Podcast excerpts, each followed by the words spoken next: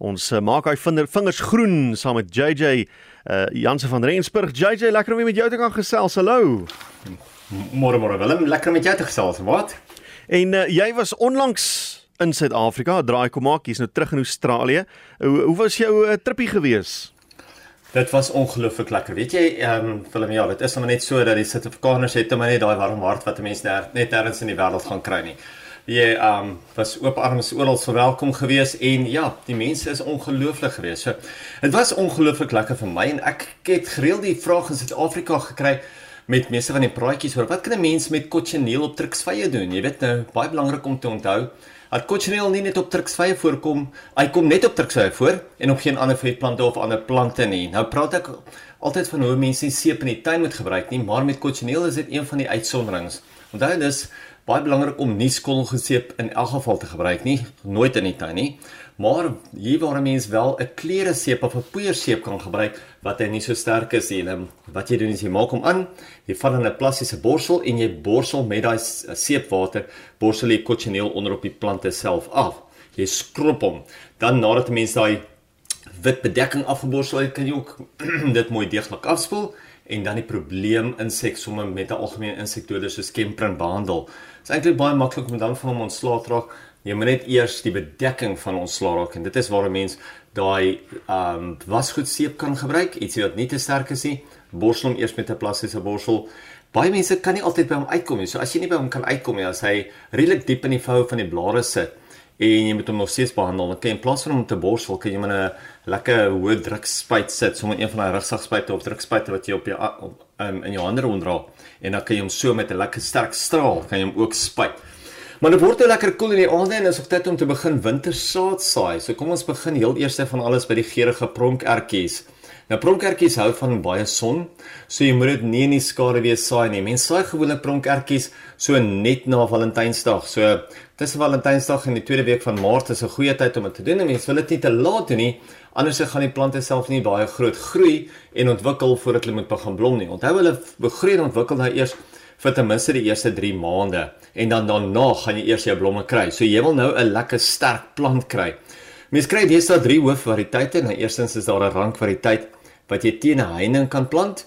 Hulle groei so om en by 1.5 tot 2 meter hoog en dan kry jy die neehaai wat soos die naam sê omtrent kniehoogte groei en dan die kleiner enetjie die bijou.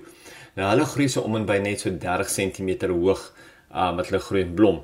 Maar 'n mens moet ook verstaan, selfs die neehaai en die bijou as mense hulle los dat hulle half op op mekaar groei of op hulle self groei en jy probeer hulle nie skoon sny die hele tyd nie mag hy 'n bietjie groter word en mag 'n sterker bos word. So moenie noodwendig net altyd by daai grootes hou nie. Onthou pronkertjies hou van baie ryk grond wat lekker diep so om by 'n halwe meter diep ongewerk is met kompos, kramis en natuurlik tuinfosfaat. Baie belangrik om ook die saad reg te behandel voor jy saai. Week jou pronkertjies saad oornag in lou warm water en saai dan die saad die volgende oggend. Maak seker jy plant die saad so om by 30 cm, ag 30 mm diep, jammer, en so ongeveer 200 mm uit mekaar uit, so 20 cm uit mekaar. So hulle genoeg spasie het om wel te om wel te gaan groei en te ontwikkel en nie noodwendig te op mekaar sit nie.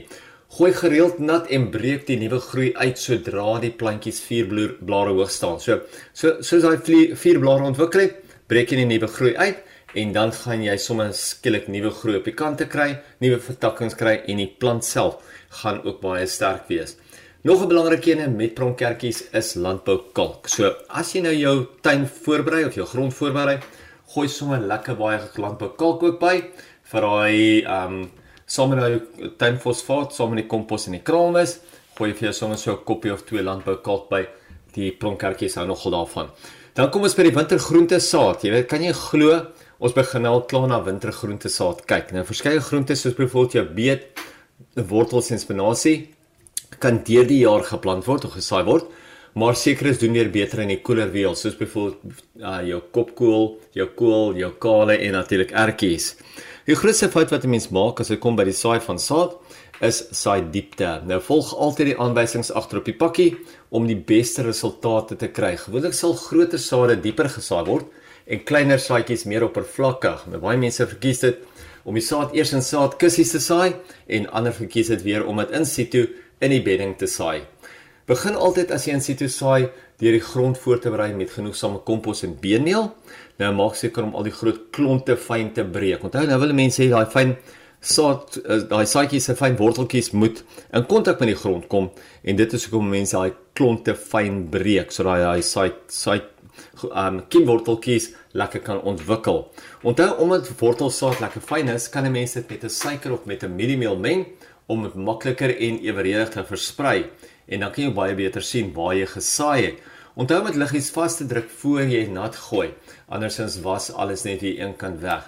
Spinasie en kool is nou weer baie goeie voorbeelde van groter saad wat individueel op die regte plek op die regte diepte gesaai kan word met die regte spasiering tussenin. Water is baie belangrik of seker die mees belangrikste faktor daarna en um vir alles mense nou kyk na die sukses van saad. Mens moet jou saad en saailinge gereeld nat gooi soos dit ontkiem, maar nie te nat hou nie want te veel water gaan weer baie swam siektes oplewer. Ons kry daarso wat die wat hy sommer 'n verwelk siekte kry as 'n mens um te lank nat of te te veel nat en as jy sommer sien jou nuwe saailinge so slond kiem sal hulle sommer vrek in sulke kolle dan weet jy hoe hierdie is nou die verwelk siekte. Die balans moet hier baie versigtig gaan word tussen die water, hoe nat dit moet wees en hoe gereeld jy moet nat maak. Probeer dit in elk geval eendag, dis eintlik baie maklik, baie lekker om jou eie saad te kweek. En ja, jy sê maklik sal probeer, probeer sommer wortels, ietsie soos radyse, iets wat lekker vinnig gaan groei. En ja, jy sal nogal sien as jy ja, as jy eers as hy gou gaan jou eers gebyt het, dan gaan jy elke jaar of elke seisoen vir jou jou nuwe groentes wil saai. Ons plan van die week vir hierdie week is 'n splinte nuwe agapanthus variëteit en agapanthus twist again. 'n Seker dat die eerste agapanthus met lekker groot kelkblare. Nou kelkblare is gewoonlik wat jy sien op die blom self. Dit is daai blaartjies wat eintlik uitkyk na jou toe, daai groot kelkblare. Met pragtige groot wit blomme en 'n lekker donkerder blou basis. So die blomme self groei so net onder 'n meter hoog en maak fantastiese snyblomme. Hy blom vir ongeveer ongeveer so 3 maande van die jaar. Hy hou van halfdag son tot volson en hy is ook droogte bestand. So, jy 'n bietjie vir 'n interessante nuwe variëteit wil gaan kyk tussen die agapanthuse, gaan kyk bietjie vir die agapanthus twist again. Ek gou van die naam. Let's twist again. Has, Dankie JJ, altyd lekker om met jou te gesels. Mooi bly, groete daarso. Dankie Willem. So gesels uh, JJ Jansen van Rensburg in ons Groen Vingerstein rubriek. As jy met hom wil kontak maak, sy e-posadres is gardensbyjj. Alles een woord gardensbyjj by gmail.com.